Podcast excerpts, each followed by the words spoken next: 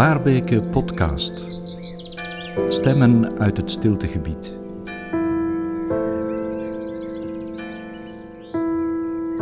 Is mindfulness te blank, te middenklasse, te egoïstisch?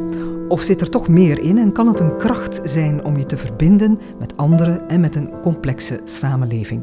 Dat zijn maar een paar vragen die Renilde Pulings stelt en probeert te beantwoorden in haar boek Mindfulness in Superdiversiteit. Een gesprek in het Waarbekenhuis. Dag Renilde. Goedemorgen. Welkom in het Waarbekenhuis op de zolder op een winterse dag. Ik, ehm, ik pak je boek er even bij ehm, en je begint en je eindigt eigenlijk in je boek met een verhaal over een boshutje. Een boshutje ehm, waar een Nederlandse journalist gesprekken voert, mhm. hè, dat is het eigenlijk. Hè. voor een ja, dieper gesprek eigenlijk.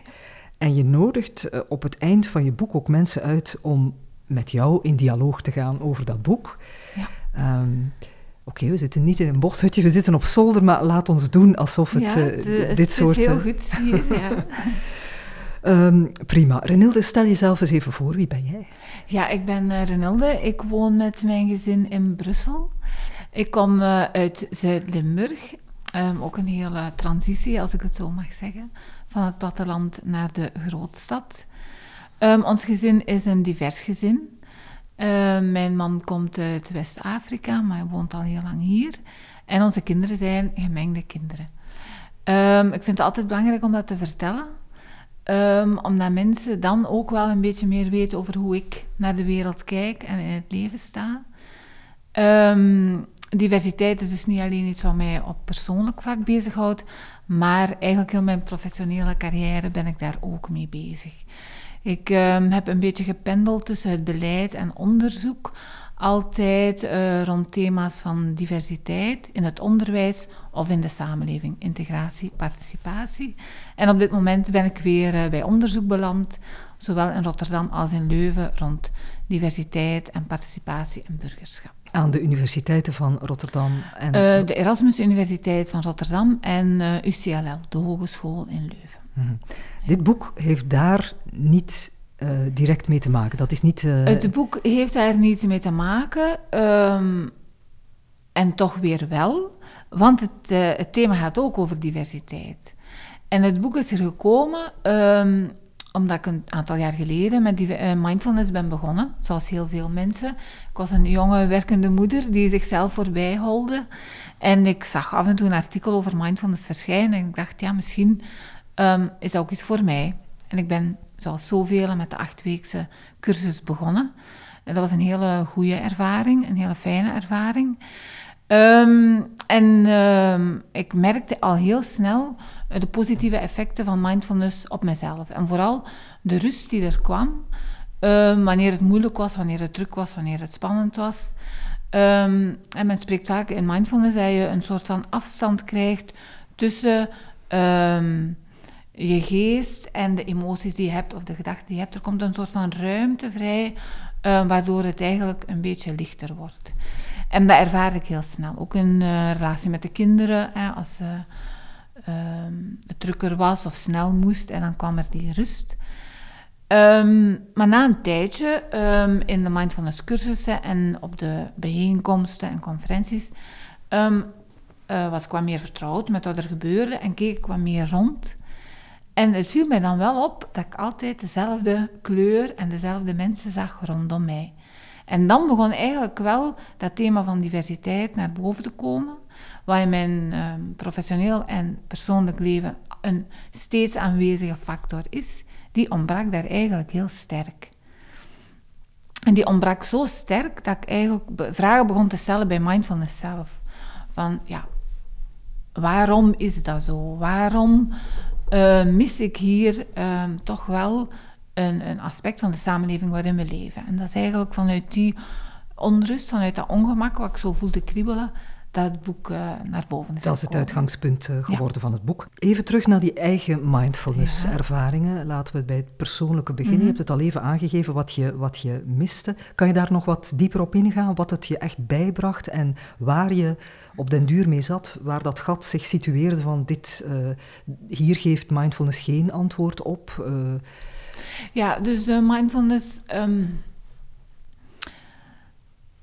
ik ben um, in mindfulness gestapt, zoals zoveel mensen, vanuit um, ja, de, de, stress en de spanning die we ervaren in onze samenleving. Ik woon in Brussel, in de, in de enige grote stad van België, zeg ik graag erbij. Um, een drukke stad is er, er is altijd drukte, er is altijd lawaai, er is altijd iets dat moet of dat te laat is en dan nog moet gebeuren.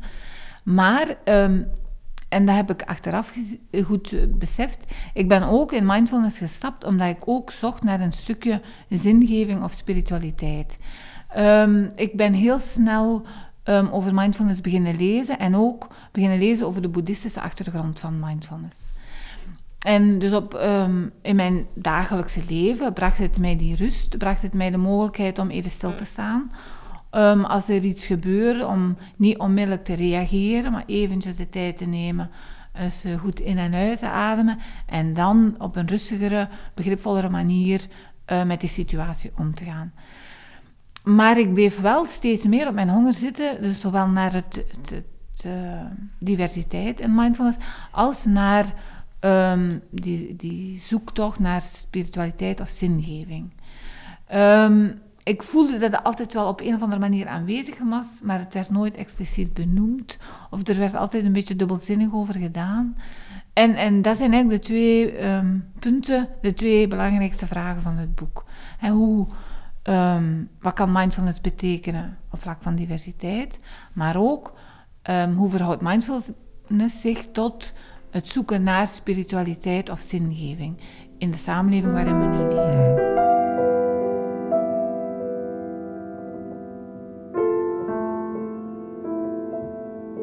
René de Pulings, laten we dat eens eventjes uh, ontrafelen, uh, voor- en nadelen van mindfulness.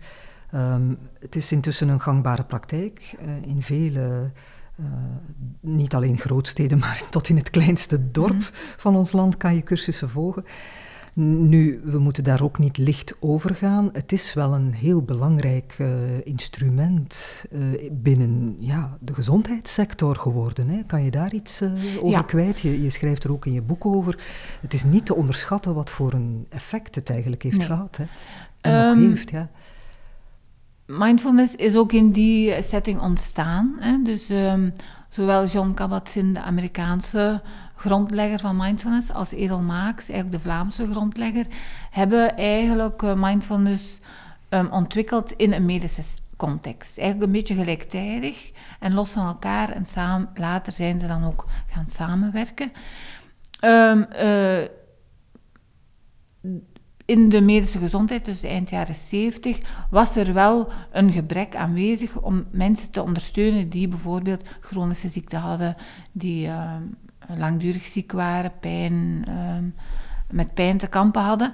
En dan is daar mindfulness ontstaan in die context.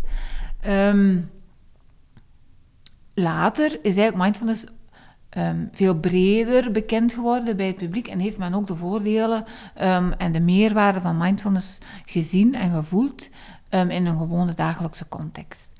We zien ook dat het, het wetenschappelijk onderzoek naar mindfulness vooral nog altijd in die medische context zit niet alleen bij chronische ziekte en pijn, maar ook bijvoorbeeld mensen met burn-out of met um, heel hoge stressproblemen.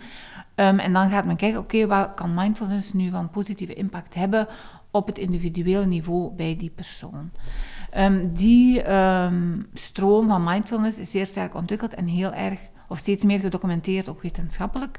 En ook in de gewone geneeskunde uh, zien we dat die meerwaarde ook wordt erkend. Hè. En er zijn ook heel veel huisartsen die nu samenwerken met uh, mindfulness uh, trainers en mensen doorverwijzen. Het wordt eigenlijk meer geïntegreerd in de gewone wetenschap, de gewone wetenschap of geneeskunde. Men noemt dat ook vaak mind-body geneeskunde, hè, dus het samengaan van lichaam en geest. Wat op zich wel revolutionair te noemen is. Hè? Ja. Tot voor kort werden uh, mensen wandelen gestuurd met vage klachten of kregen medicijnen toegediend. Ja. En nu zit dat dus uh, ja, ingebed in de traditionele geneeskunde. Het wordt niet gezien als iets uh, voor zweverige weirdo's. Het wordt voorgeschreven zelfs door artsen.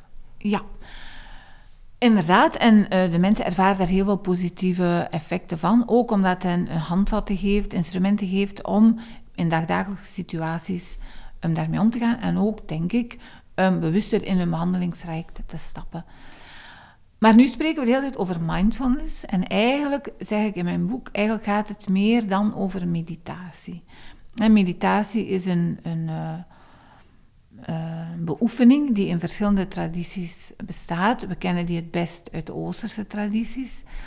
Um, en, er is laatst het boek geweest van Steven Laurijs, het uh, No-Nonsense meditatieboek, waarin al die positieve effecten van meditatie worden bewezen, ook op wetenschappelijk vlak.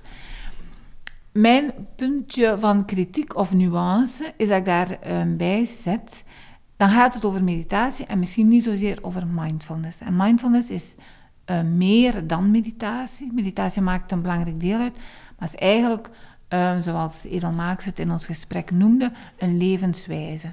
Er komt veel meer bij kijken dan de meditatiebeoefening. Er zitten ook een aantal waarden aan verbonden, zoals mildheid, openheid, um, de bereidheid om naar de ander te kijken en ook die perspectieven van de ander mee te nemen. Dus daar wil ik wel een onderscheid maken tussen het medita meditatie, um, meditatie in um, medische contexten mm -hmm. en echt een mindfulness beoefening.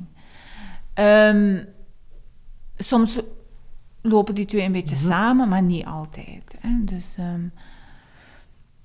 ja, maar ik blijf ja. het toch straf vinden, ondanks alle negatievere punten of punten van verbetering die, die we straks gaan uh, aanhalen ja. over mindfulness, vind, vind ik het straf nog altijd dat het op zo'n korte tijd ja. in de mainstream medische wereld is doorgedrongen. Ik, ik heb zelf een persoonlijk voorbeeld dat ik misschien kan aanhalen. Ik heb uh, um, een kankertraject doorlopen mm. en uh, ben naderhand, na mijn uh, gelukkige genezing, opgeroepen om deel te nemen aan een experiment binnen Gasthuisberg waar het effect van mindfulness um, of niet, want we zaten met allerlei controlegroepen, op uw cognitieve vaardigheden uh, werd gemeten mm -hmm. na chemotherapie. Dus dat is eigenlijk een heel um, wetenschappelijk deel van de universiteit, die oncologische afdeling, waar mm -hmm. vooral met chemische producten en uh, uh, bestralingen en, enzovoort zware middelen wordt gewerkt. Maar dan vond ik dat ontzettend veel betekenend dat daar plotseling ook een opening was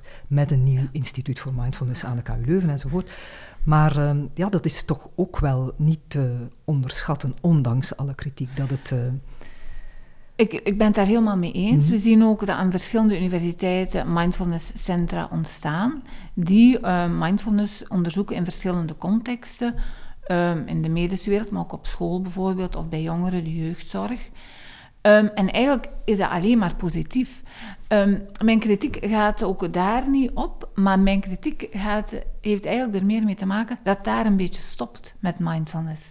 En dus dat zijn uh, positieve effecten van mindfulness voor mensen die met een individueel probleem kampen en die daar heel veel meerwaarde kunnen bieden. En dat is eigenlijk alleen maar positief. Mijn vraag gaat eigenlijk, uh, ik ben van opleiding socioloog. Dus ik kijk dan naar het um, samenlevingsniveau. Eigenlijk is mijn vraag: um, kan het positieve van mindfulness in die individuele contexten ook overgebracht worden naar de, naar de context van de samenleving, naar het samenleven met mensen? Dus het gaat niet zozeer omdat ik um, kritiek heb op de, het samengaan van uh, medische wereld en mindfulness, of mensen die mindfulness beoefenen om uh, uh, een beetje steviger in het leven te staan. mijn kritiek is eigenlijk dat daar stopt vaak. En ik zou het graag um, meer verruimen naar de samenleving en het samenleven, waar we ook heel wat stress en drukte en problemen zien.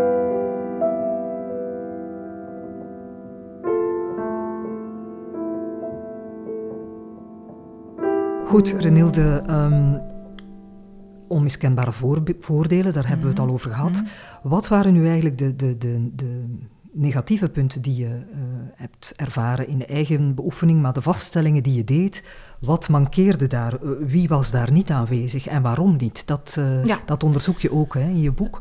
Ja.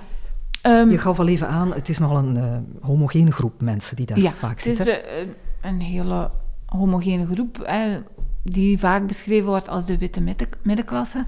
En mensen die uh, um, hoog opgeleid zijn, die ook uh, een, in een goede financiële positie zitten over het algemeen. Um, vaak zijn het vrouwen, maar dat verandert eigenlijk wel sterk. We zien dat daar wel um, een verandering is, dat ook veel mannen uh, mindfulness cursussen en trainingen volgen. Het is ook een iets oudere groep, hè, uh, 40, 50ers. En dat is eigenlijk de, de groep van mensen die je overal tegenkomt.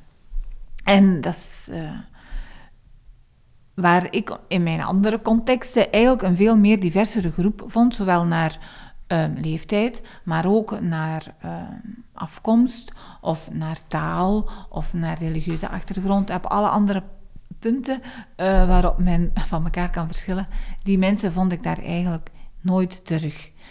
En ik, waarom niet? Wat zijn dan de drempels? Ja, dat, dat is de vraag hè, die ik ben, mij ben gaan stellen en die ik aan een heel aantal mensen heb voorgelegd.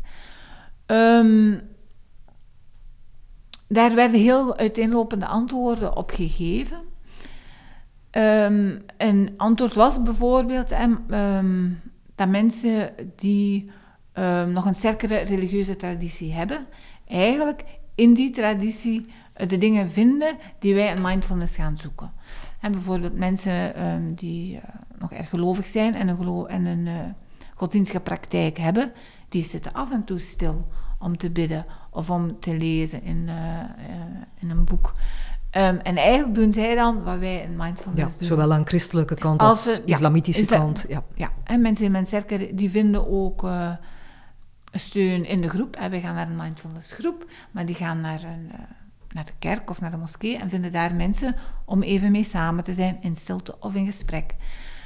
Um, dat is een, uh, punt dat vaak werd aangehaald. Een ander punt, als het dan gaat over bijvoorbeeld um, socio-economische diversiteit, dus dat mensen die het financieel wat moeilijker hebben, die misschien armoede kennen of in andere uh, situaties van uitsluiting zitten, dat we hen niet zien op de mindfulness bijeenkomsten, dan werd gegeven, ja kijk, die mensen hebben andere zorgen dan persoonlijke ontwikkeling of uh, spiritualiteit. En um, de noden daar liggen op andere vlakken. En eens die noden meer ingevuld zijn, dan is er misschien openheid of tijd om aan mindfulness te doen. Maar dat is ook een antwoord ja, dat ik kreeg. Het, het, je kan zeggen, het wordt minder duur.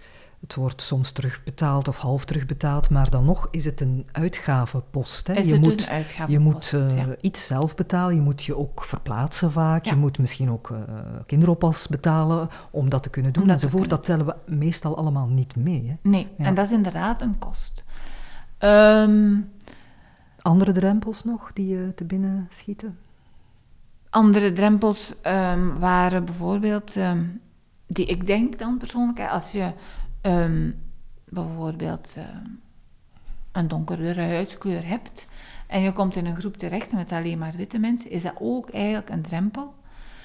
Maar ik persoonlijk zie ook nog eh, een andere drempel en dat is dat we mindfulness hebben opgevat binnen het kader van die witte middenklasse groep. De taal die we spreken, de woorden, de beelden die we gebruiken, zijn eigenlijk ehm, bijna een jargon. En dat het moeilijk is om daar ehm, aan deel te nemen als je het jargon niet kent. Als je de taal niet spreekt die daar gesproken wordt. Het is ook eh, ehm, eh, niet gemakkelijk. Ehm, de woorden die gebruikt worden, de concepten die aangehaald worden, vragen toch een beetje oefening om daarmee om te kunnen gaan. We moeten ook dingen doen die voor sommige mensen helemaal niet ge- gewoon zijn. En we zitten allemaal stil, stil op een stoel in een kring. Of we liggen op de grond. of we liggen Ja. op de grond. We moeten aan yoga doen. We moeten ook ehm, persoonlijke dingen delen. Hè? Ehm, luisteren naar de problemen van de ander en daar niet op mogen ingaan. Ehm, dat zijn allemaal gebruiken en praktijken die niet voor iedereen zo toegankelijk zijn. Dus los van het financiële bijvoorbeeld, als het dan gaat over mensen die het wat moeilijker hebben op dat vlak, denk ik dat er ehm, ook nog andere dingen kunnen gebeuren dan de kostprijs naar beneden doen. Want inderdaad, er zijn wel al veel tegemoetkomingen. Mhm. Um, en dat wordt ook omdat zo geïntegreerd wordt in de um, in de medische behandelingen, komen er ook meer tegemoetkoming om ook dat stuk op te nemen. Maar ik denk dat we als mindfulness trainers en begeleiders ook de oefening moeten maken naar ja, hoe maak ik het toegankelijk voor anderen als ze komen. Hè? Ehm, hoe kunnen we het misschien eens op een andere manier uitleggen? Uh, misschien kunnen we de oefeningen wat anders opbouwen zonder aan de, het, uh, de opbouw afbreuk te doen. Ehm, maar dat vraagt wel een, een inspanning. Hè? Dat vraagt ook een inleving in de wereld van uh, de mensen die we dan willen bereiken. En het zou best kunnen eigenlijk, want als je daar al dat culturele bepaalde en jargon afpelt, dan kom je bij een, een praktijk, wat het toch in wezen is, mindfulness, die begrijpelijk kan gemaakt worden. Het gaat over ademhaling, het gaat over dingen die niet uh, zeer abstract zijn ook niet. Hè? Nee. Maar we verpakken het misschien... We verpakken uh, het graag heel abstract en, mm -hmm. en uh, complex. Um, en er zijn, er zijn mensen die daarmee bezig zijn. Hè. Ik heb al een paar reacties op het boek gekregen en ook uitnodigingen gekregen om daar eens te gaan kijken hoe men dat op een ja, op een andere manier aanpakt. Dus daar ben ik zeer geïnteresseerd uh, naar om daar eens uh, echt te gaan kijken. Um, en ik ben het ook niet helemaal eens met de stelling van um, we kunnen pas aan mindfulness doen als we alle andere zorgen hebben opgelost. Ja. Ik denk dat het misschien ook een interessante oefening kan zijn om mensen die inderdaad problemen hebben, zoals uh, huisvesting, een job vinden of uh, het begeleiden van de kinderen op school. Um, als zij um, ook die meerwaarde van mindfulness kunnen ervaren, dan kunnen ze misschien ook op een andere manier met hun situatie omgaan. Dus het is een beetje um, eerder samen dan het een na het ander. Mm -hmm. Um, je gaf al aan, dus dat zijn een aantal drempels waaraan kan gewerkt worden mm -hmm. hè, om die weg te werken, om meer mensen uh, van verschillende achtergronden uh, in zo'n ruimte te krijgen. Um, maar je gaf al even aan uh, dat jouw fundamentele onbehagen bij mindfulness trainingen was dat het geen verbinding heeft met de buitenwereld of te mm. weinig verbinding met ja. Uw sociologische blik op ja. de samenleving. Nu, er, er zijn um, nog kritieken, denk ik, te formuleren op mindfulness, namelijk dat het eigenlijk te veel gezien wordt als een, een instrument om iemand snel weer in het gareel te krijgen, in de zin van uh, klaar voor de arbeidsmarkt. Ja. Misschien ook wel uh, in die medische, langs die medische trajecten klaar mm -hmm. om opnieuw de gezondheid te omarmen en, en door te gaan op het pad wat misschien zelf ziek maakt, dat pad. Ja. Bedoel, als je, in, als je het ziet als een instrument, mm -hmm. dan... Ja, um, we zien inderdaad dat op sommige plekken mindfulness zo wordt ingezet. Hè. Er zijn bedrijven die mindfulness cursussen organiseren voor de eigen mensen. Um, en dan kan daar inderdaad de vraag gesteld worden: wil men de mensen ondersteunen of wil men de mensen uh, eens even laten ademen, stil zijn bij waar is en gewoon dan uh, volle slag terug verder doen? Um, die praktijken zijn er. Um, en daar wordt ook uh, kritiek op gegeven. Hè. Um, ik las laatst een artikel in de krant van Mc Mindfulness, hè, de McDonald's, maar dan in de mindfulness-wereld. Die kritieken zijn er. En daar moeten we voor op, oppassen. Maar de mindfulness trainers die ik heb gesproken, zijn zich heel bewust van die praktijken en gaan daar ook uh, niet op die manier mee om. Hè. Dus als zij op een, in een bedrijf een mindfulness cursus geven, is het effectief ter ondersteuning van de mensen, wat soms ja, tot andere effecten kan leiden dan misschien uh, de bedrijfsleider voor ogen had. Maar daar wil ik het eigenlijk niet zozeer over hebben. Wat mijn kritiek wel is, is dat we um, ook in de, de mindfulness trainingen die vanuit een uh, een uh, oprecht perspectief worden gegeven, ook te fel bij het individuele blijven. Hè. Ik heb een aantal achtweekse trainingen gevolgd en het is opmerkelijk om te zien hoeveel mensen daar zitten met een burn-out. En dan denk ik, ja, we merken dat nu en die mindfulness trainer zal ongetwijfeld andere groepen begeleiden die ook een burn-out hebben, met mensen die een burn-out hebben. En die mensen worden geholpen met mindfulness om daarmee om te gaan.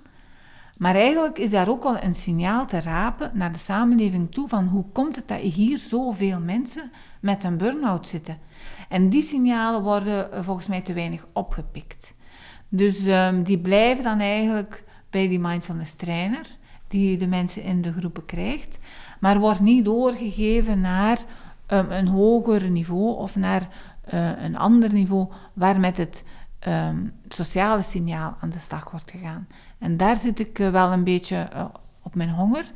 En ik hoop dat bijvoorbeeld de, de wetenschappelijke instituten die nu in allerlei um, universiteiten ontstaan, um, daar wel mee aan de slag gaan. En dat zij bijvoorbeeld wel um, met die mindfulness trainers gaan praten of daar informatie verzamelen en die elementen dan wel mee kunnen nemen om daar ook vanuit het structurele niveau ja, iets mee te om doen. Om algemene trends te zien enzovoort. Nu, ja. het is, je zegt het blijft um, te persoonlijk en het blijft dan bij de trainer hangen. Het blijft ook bij de deelnemer hangen. Want uiteindelijk um, wordt die uh, bijna aangesproken op zijn of haar verantwoordelijkheid. Uh, um, Oké, okay, het gaat niet goed, uh, je, je raakt in een burn-out en dan ga je zelf mindfulness training volgen opdat het beter gaat. Dus dat werpt ja. al heel veel gewicht op de schouders van, ja. van één mens in een, als een radertje in een veel groter systeem, toch?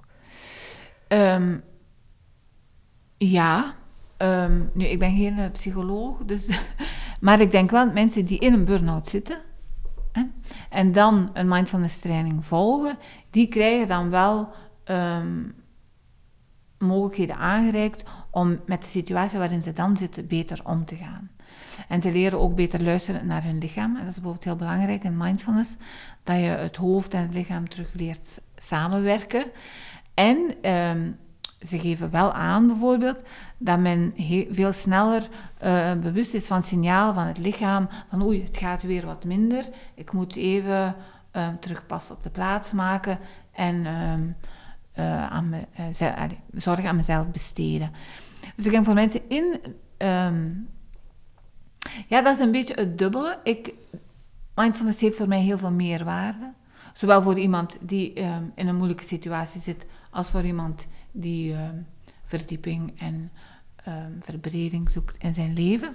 Maar dat is op het individuele niveau. We moeten wel de signalen oppikken om die naar het structurele niveau te brengen. ja. Zo zie ik een beetje. Want anders blijft het hangen in anders een individuele praktijk, ja. die dan uh, een soort van pleister op een houten been zou kunnen blijven. Als er inderdaad uh, niks verandert, dan kan die persoon binnen, binnen twee jaar daar opnieuw zitten. Inderdaad, ja, ja inderdaad. Ja. En dan wordt het inderdaad um, de verantwoordelijkheid volledig op die persoon gelegd.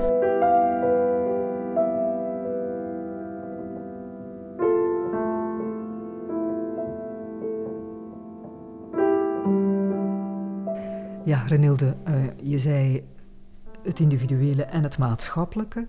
Kan het toch niet van het een het ander komen? Ik las ergens in je boek, uh, we kunnen misschien evolueren van een ego naar een eco-perspectief.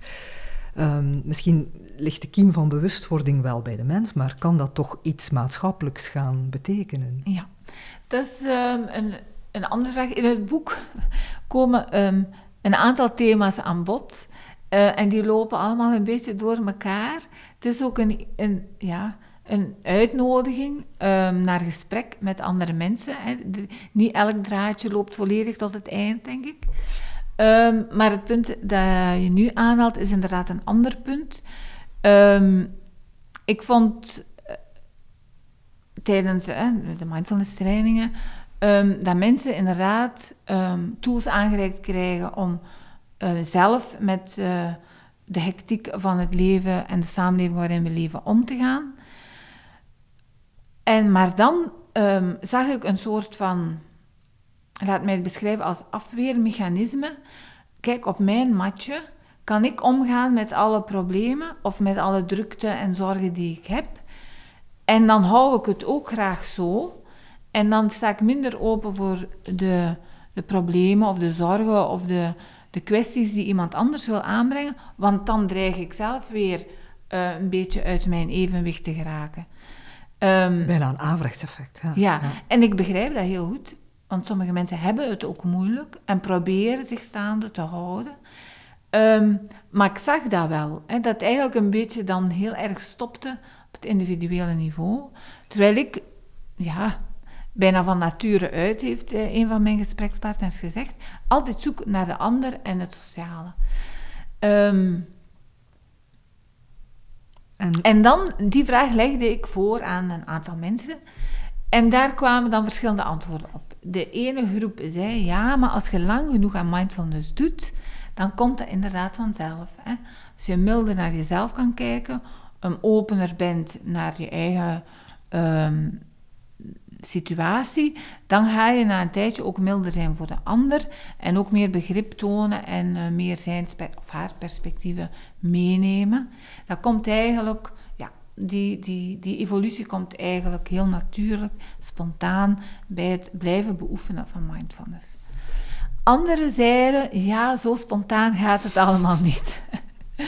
um, en is er inderdaad uh, die kans hè, dat je zegt, oké, voor mij gaat het goed nu. En ik uh, mediteer en ik zit op mijn matje en ik kijk mindful naar de wereld. Um, ik persoonlijk ben meer van de tweede piste. Ik denk niet dat dat zo spontaan gaat. Ik denk dat we in de mindfulness trainingen um, dat wat meer explicieter mogen benoemen dat we ook een verbinding maken met de ander. Dus daar zie ik wel, wel nog een, een, een, mindfulness werk te doen. We zien nu al wel de evolutie naar de compassietrainingen. Dus dat is een, een uh, soort vervolgtraining op de basistraining, waarin um, het meer de nadruk wordt gelegd op compassie. Um, niet in de zin van medelijden, maar wel in de zin van medeleven, begrip hebben voor, met aandacht kijken naar. Um, en daar wordt wel al explicieter die link benoemd met de ander. Um, en dan gaat het, hoe ik het begrijp of hoe ik het ernaar kijk, vooral de ander die dicht bij mij staat. Hè. De ander, de, uh, de gezinsleden, de kinderen, de buren, de collega's, de vrienden. Um, kan ik ook um, met meer mildheid en openheid naar hen kijken. En daar wordt dan meer explicieter rondgewerkt. En we zien wel al die verschuiving um, naar, van mindfulness naar compassie. Mm -hmm. ik zelf zou graag nog een andere stap zien. En dat is dat we ook proberen in mindfulness de, de verbinding te leggen met de ander die we niet kennen. De ander die ver van ons afstaat, die misschien heel sterk van ons verschilt, maar die eigenlijk in de samenleving waarin we leven heel erg aanwezig is. Um, en hoe kunnen we ook naar die mensen die we niet kennen, die ons misschien soms een beetje schrik aanjagen, ook open zijn, ook daar met mildheid naar kijken en proberen te begrijpen in welke situaties die mensen leven en zo um, ja, de compassie ook een stapje verder zetten. En dan ga je eigenlijk in de diepte naar de boeddhistische fundamenten van mindfulness opnieuw graven. Als je dat aanhaalt, dat soort van uh, meditaties met betrekking tot anderen, ook de verre anderen, dat heeft een fond in het boeddhisme die er misschien uitgefilterd geraakt is naarmate mindfulness meer als een, uh, ja, een pure praktijk werd mm -hmm. gezien, maar die je graag wel weer erbij wil. Heb ik het goed? Ja, ja um, inderdaad. Er zijn um, boeddhistische meditaties die echt expliciet die stapjes zetten van mezelf naar de ander dichtbij, naar de ander heel ver af en naar eigenlijk alle levende wezens op aarde. En bijvoorbeeld, we zien in de compassietraining dat men daar ook al mee begint te werken. Um, inderdaad, toen mindfulness ontstaan is, eind jaren zeventig, heeft men de boeddhistische achtergrond daar zoveel mogelijk van weggefilterd. Um, in de zin van de uiterlijke of de, de expliciete verwijzingen naar het boeddhisme. Natuurlijk, de meditatiepraktijken en dergelijke zijn uh, duidelijk uit het oosten afkomstig. Mensen die met mindfulness gestart zijn, zijn ook mensen die in het oosten uh, een boeddhistische leerweg hebben afgelegd. Um, de antwoorden die ik kreeg op de vraag waarom wordt het boeddhisme zo afgepeld is um, om net die toegankelijkheid naar de mensen in het Westen uh, te vergroten. En zeker in de jaren zeventig um, was het boeddhisme misschien nog uh, een beetje meer zweverig dan nu. Um, en ook, uh, men is gestart in een medische context, in een wetenschappelijke ja, context. Zo neutraal Moest mogelijk. allemaal niet Ja. te veel zweven. En heeft men geprobeerd op die manier eigenlijk uh, mindfulness toegankelijk te maken voor iedereen. Waar ik een beetje naar zoek in het boek, um, is dan, ja, heeft men dan door die boeddhistische context eigenlijk eraf te halen ook niet te veel um, um, de waarden die daarachter zitten ermee afgehaald. En is het inderdaad niet te veel een instrument geworden? Zoals we daarnet um, besproken hebben, bijvoorbeeld bij behandeling van uh, stress of burn-out, van het is een instrument, een tool. Terwijl eigenlijk mindfulness, um, ja, als we dan met, met de grondleggers spreken, zoals Edelmaaks of John Kabat-Zinn, zij toch wel verwijzen naar die waarden die daarachter zitten. En de compassie, de openheid en de mildheid. Dus daar is ook weer zo'n soort van spanning uh, te vinden. Het moet toegankelijk zijn, het moet... Um, iedereen moet er zich in terugvinden, ook al heb je een andere religieuze of spirituele traditie. Maar het mag dan ook geen, niet te veel um, waardevrij worden. Um, maar dat is geen gemakkelijke oefening. Ik heb ook geen sluitend antwoord in mijn boek. Ik zelf persoonlijk ben ook hier meer voor het toch explicieter benoemen van een aantal waarden die we ook in verschillende tradities terugvinden. Dus daar denk ik dat iedereen zich wel in kan Ja. herkennen. En dat zou dan het sleuteltje kunnen zijn om die mindfulness open te breken en daar een maatschappelijke rol ook aan toe te kennen. Een mogelijke maatschappelijke rol. Inderdaad. Voor mij gaat het er vooral om, omdat ik eigenlijk sinds ik het boek heb geschreven al precies verder aan het uh, nadenken ben. De mensen die mindfulness belangrijk vinden en waardevol vinden, um, ook die rol zien in mindfulness. Um, dat die rol wordt meegenomen in de opleiding en in de trainingen. Um, het is zeker niet de bedoeling dat iedereen aan mindfulness gaat doen, maar wel dat we in het beoefenen van mindfulness die, uh, die stapjes zien. Van mezelf naar de ander bij, naar de ander veraf. En dat we op die manier eigenlijk meer die maatschappelijke rol kunnen opnemen in mindfulness.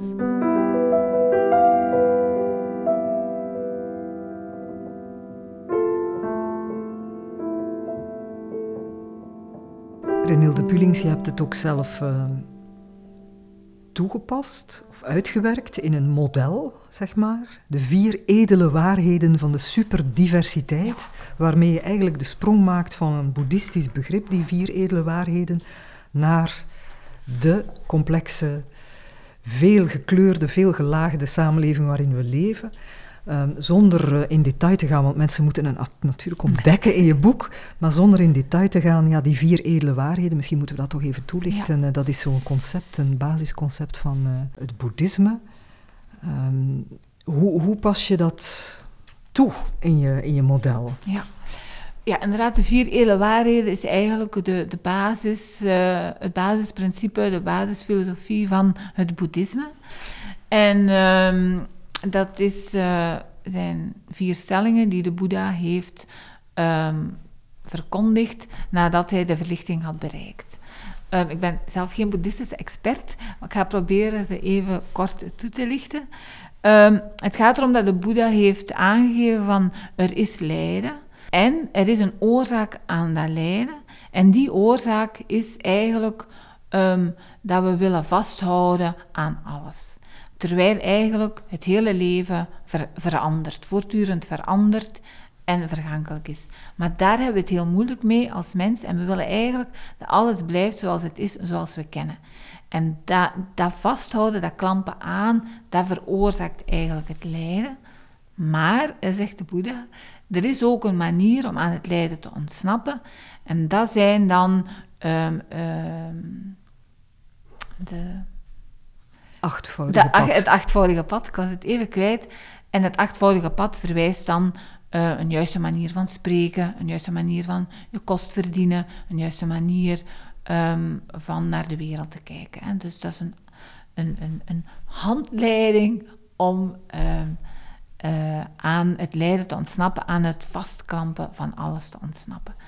Er is een Amerikaanse schrijfster en ook boeddhistische lerares, Susan Piver, en zij heeft in een boekje van één of twee jaar geleden eigenlijk het achtvoudige pad toegepast op um, relaties. En vooral de relatie tussen uh, een man-vrouw of een koppel.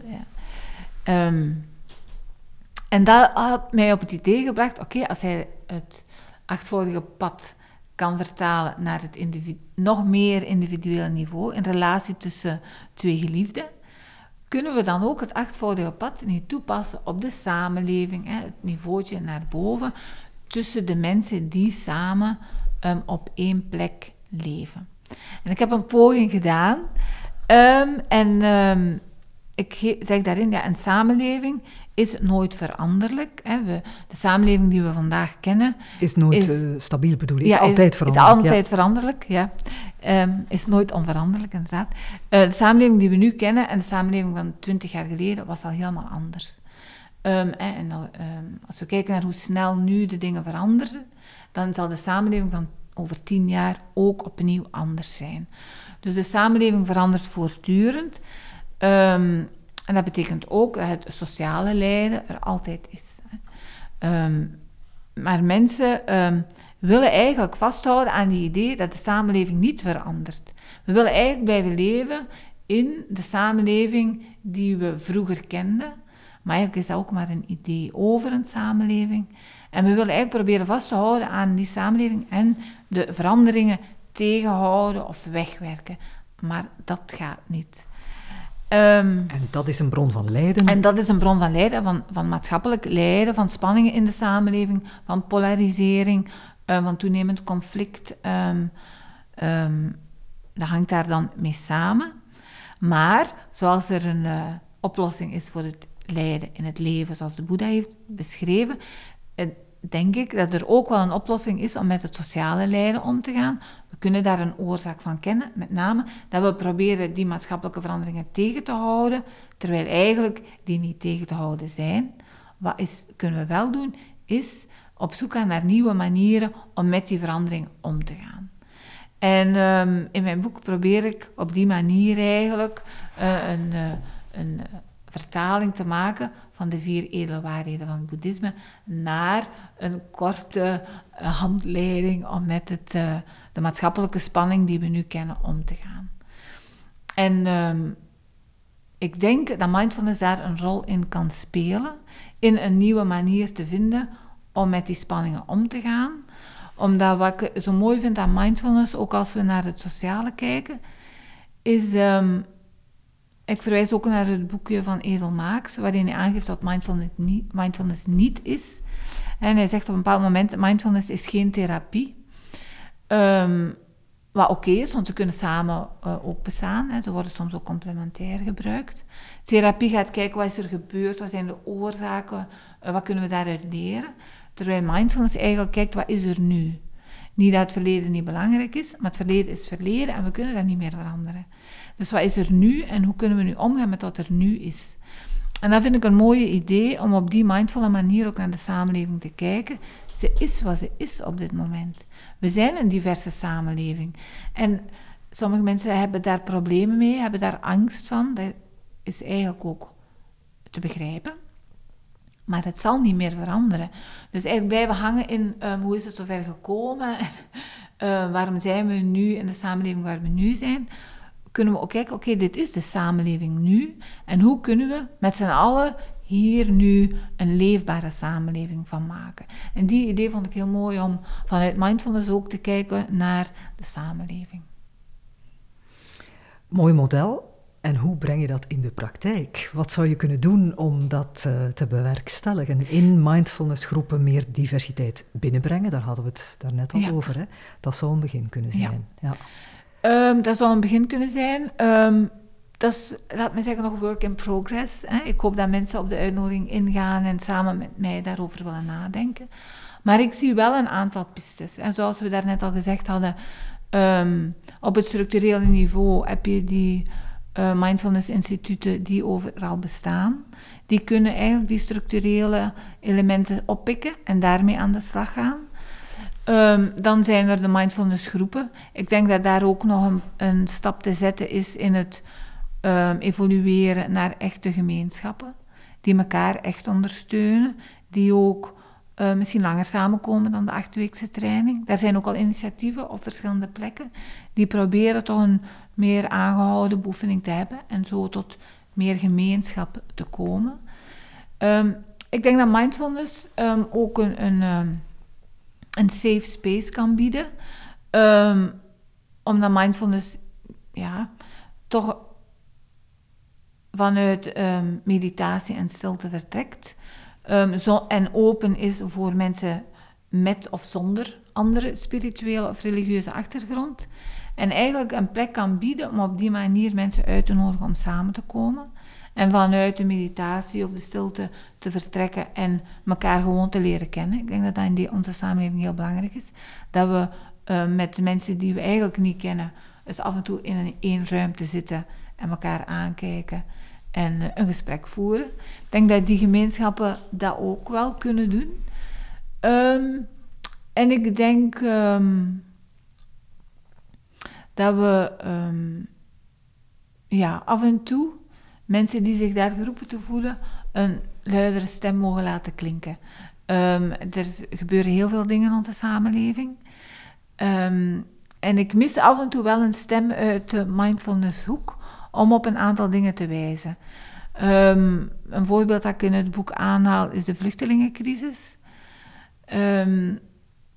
los van de politieke geladenheid die daarop zit, kan er vanuit mindfulness wel een stem komen om te wijzen op de menselijkheid van iedereen.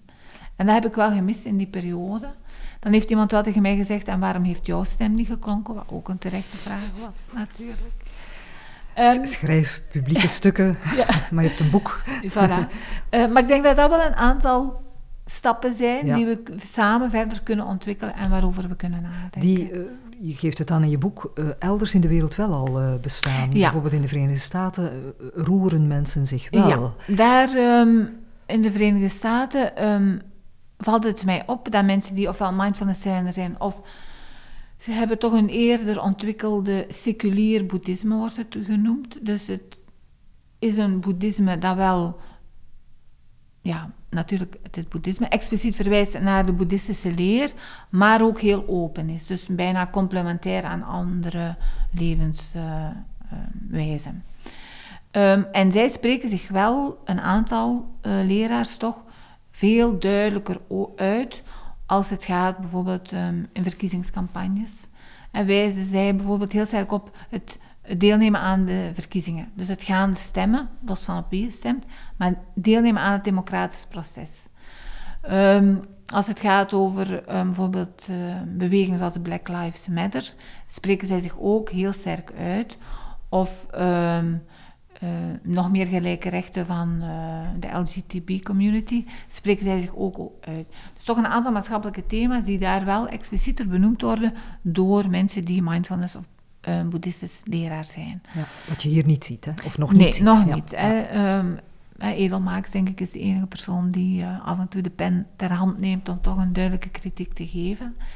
Uh, maar daarbuiten gebeurt het eigenlijk nog heel weinig. En ik denk dat we dat wel kunnen doen zonder in um, het politieke vaarwater terecht te komen, wat bezorgdheid is, en ik heb daar ook heel veel begrip voor. Maar op die, op die um, onderliggende waarden te wijzen, um, zoals menselijkheid, zoals mildheid. Um, wat ik dan een beetje eigenaardig vind, is dat men dat precies wel makkelijker doet als het over het klimaat gaat. Uh, maar minder als het over de vluchtelingencrisis of, of andere menselijke thema's. Ik weet niet precies, ik ben nog met mensen in gesprek om daar mm -hmm. wat meer vat op te krijgen. Nu, het zou al kunnen beginnen met die burn-out-epidemie natuurlijk. Hè? Als inderdaad vastgesteld wordt dat elke mindfulnessgroep vol met mensen ja. zit die, uh, die een burn-out doormaken, dan zou vanuit die groep alles kunnen ja. aan de alarmbel getrokken worden. Er wordt al vaak aan de alarmbel Zeker, getrokken daarover, ja. maar uh, dat zijn de direct betrokken mensen die, uh, die slachtoffers proberen te helpen. Um, dat is, ja, dat is dan echt de core business. Ja, dat van, zou inderdaad. Uh, daarmee zou het kunnen beginnen. Daarmee ja, zou het ja. kunnen beginnen. Hè. Dat mm -hmm. is een, een, een, een punt waar ik denk elke mindfulness trainer mee wordt geconfronteerd. Um, zij gaan in directe interactie met die mensen en kunnen misschien toch een aantal nieuwe elementen aanreiken vanuit hun, hun ervaring met mensen met een burn-out. Dat zou zeker een uh, mooi beginpunt kunnen zijn. Goed, wat volgt er op dit boek? Lezingen? Uh... lezingen, een aantal workshops of op conferenties. Um, ja, ik uh, ga graag met iedereen in gesprek uh, daarover. En inderdaad, ik plan nu volgend jaar met lezingen en workshops aan de slag te gaan. Ja, want het is een, een, een combinatie van thema's die nog niet eerder was gebeurd, hè, toch? Daar heb je toch iets geraakt wat nog niet ja, dank u. Uh, dat is uh, een mooi compliment. Maar dat is inderdaad wel uh, het uitgangspunt geweest. Ik wil ook nog even zeggen dat ik alle um, gesprekspartners die ik heb gesproken wil bedanken. Want het, is, het was ook wel een thema dat aansloeg. Ik heb eigenlijk um, alleen maar een simpele vraag moeten stellen en ik heb geen enkel negatief antwoord gekregen. En wat was dan die hele simpele vraag? De vraag was, hoe um, verhoudt eigenlijk. men zegt mindfulness is uh, booming, is uh, een hype, iedereen doet aan mindfulness. En toch zien we onze samenleving verharden en polariseren. Uh, worden mensen individueler. En hoe, ja, wat betekent eigenlijk die twee verschillende ontwikkelingen in onze samenleving? Um, en iedereen was heel graag bereid om tijd en ruimte vrij te maken om daarover van gedachten te wisselen dat was een hele, hele mooie ervaring. En blijkbaar een onderwerp dat veel mensen bezighoudt. Ja. En veel mensen die dat gat zien, maar niet de brug over die beide nee, Ik hoop dat het boek daar een bijdrage toe brengt. En dat we samen eigenlijk het gat nog wat meer kunnen vullen. En uh, een mindfulness tot, um, ja, een... Uh, niet alleen een levenswijze op individueel vlak, maar eigenlijk ook een samenlevingswijze kunnen, kunnen maken en eigenlijk onze samenleving um, ook milder en opener uh, kunnen maken. Ja. Ik heb het ook wel vaak gehoord van mensen die uh, allerlei individuele trajecten afleggen naar verdieping, dat daar toch ook altijd wel de vraag bleef hangen. Ja. Dat is het pad naar inkeer, maar er is ook het pad naar maatschappelijk engagement. Ja zelfs strijd, maatschappelijke strijd. Eh, en die twee polen waartussen uh, mensen uh, zich bewegen. Het zou mooi zijn om dat inderdaad ja, op maatschappelijk vlak ook te ja. zien gebeuren. Hè. Inderdaad. Ik, ik hoop dat het boek daar een beetje toe bijdraagt en dat we samen die stappen kunnen zetten. Fijn. Dankjewel, Renilde. Mindfulness in superdiversiteit, engagement en verbinding met de ander. Dat is de titel van het boek van Renilde Pulings. En daarover hadden we het met haar in deze Waarbeke podcast. Wil u meer weten over de stiltebeweging? Surf dan naar waarbeke.be. Dank voor het luisteren.